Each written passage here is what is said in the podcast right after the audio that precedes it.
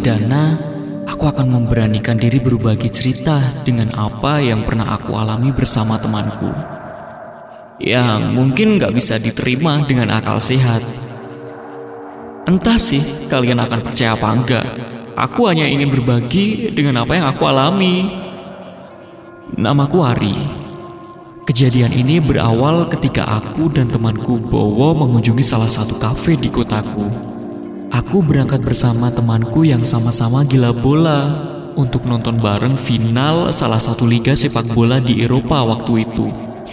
Ya, memang sih kalau di Indonesia tayangnya dini hari.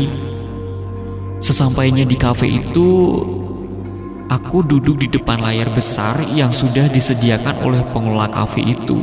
Karena di sana ternyata sudah ramai dan sangat meriah sekali. Baru beberapa menit aku duduk, rasa ngantuk mulai melandaku.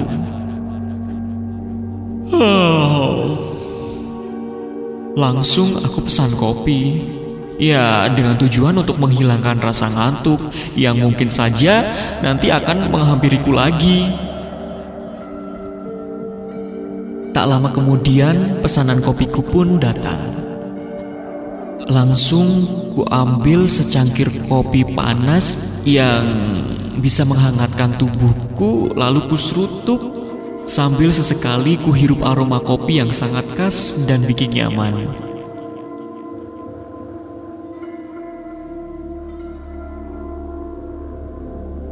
Suara sorak-sorai pengunjung mengagetkanku begitu gol pertama tercipta.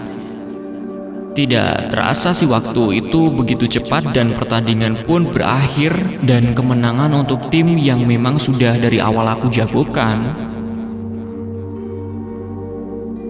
Jam sudah menunjukkan pukul 4 pagi.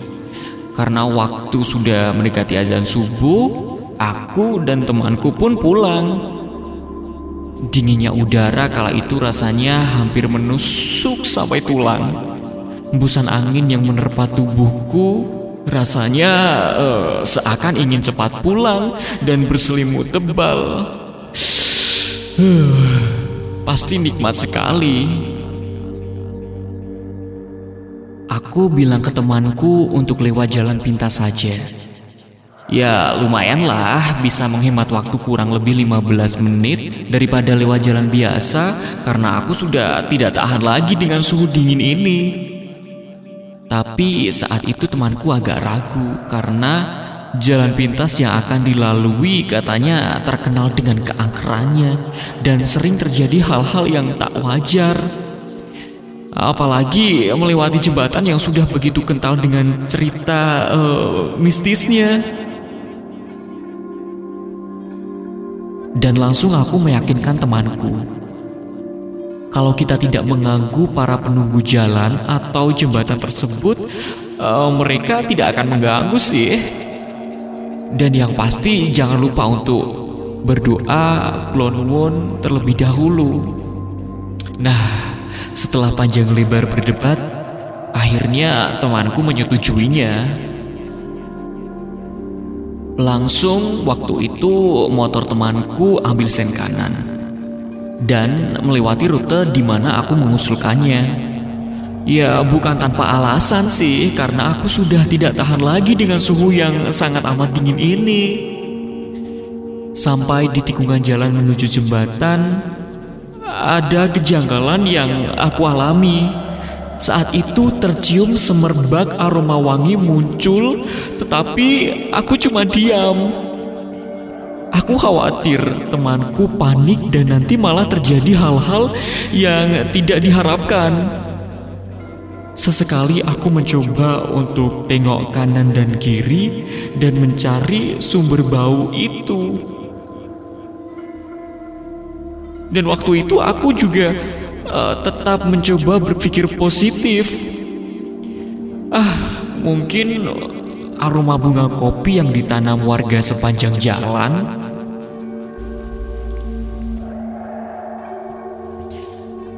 Seketika itu, tiba-tiba temanku menghentikan motornya secara mendadak.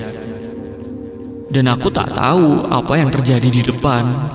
Ketika aku bertanya apa yang terjadi, dia terpaku diam membisu dan kulihat keringat sebesar biji jagung mengucur deras di sela-sela lehernya. Aku sengaja pukul helmnya agar dia sadar, lalu segera pergi dari tempat itu untuk melanjutkan perjalanan pulang. Seketika itu juga muncul suara riuh ramai. Aku bingung entah itu suara apa. Setelah ku cermati, suara itu ternyata tidak asing di telingaku. Dan benar saja, seperti suara rombongan pembawa jenazah.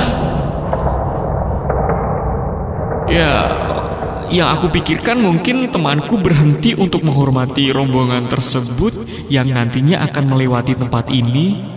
Tapi setelah kupikir lagi, di sini kan jauh dari rumah warga dan tidak ada area pemakaman. Pikiran itu terus menghantuiku. Beberapa saat kemudian, kejanggalan yang aku dan temanku rasakan terjadi Ketika aku lihat di depan, terlihat jelas keranda kayu bertutup kain hijau terbang lewat menyeberang dengan iringan-iringan beberapa pocong. Dan seketika itu rombongan pocong berhenti seakan menatapku dan temanku dengan wajah yang pucat menghitam, menyeramkan dengan kain putih lusuh yang ada di badannya. Aku dan temanku mematung ketakutan, bahkan untuk bersuara pun tidak sanggup. Tiba-tiba keranda tersebut terbang, meninggalkan dan menghilang begitu saja di rerimbunan pohon yang terletak di pinggir jalan. Aku masih tidak percaya dengan apa yang aku dan temanku alami. Tidak terasa juga keringat sudah mengucur deras Padahal suhu malam itu sangat dingin. Lemah sekali tubuhku. Yang aku rasakan saat itu mataku mulai berkunang-kunang dan seketika berubah menjadi gelap. Keesokan harinya aku ditemukan warga yang sedang berkebun di sebuah batu di dekat jembatan. Sedangkan temanku berada di bawah pohon besar yang tidak jauh dariku beserta motornya. Aku mencoba menceritakan kejadian pagi tadi kepada para warga dan para warga pun tidak keheranan sama sekali karena memang sering terjadi hal-hal yang janggal di tempat itu. Sampai detik ini pun aku masih tidak percaya dengan apa yang pernah aku alami waktu itu.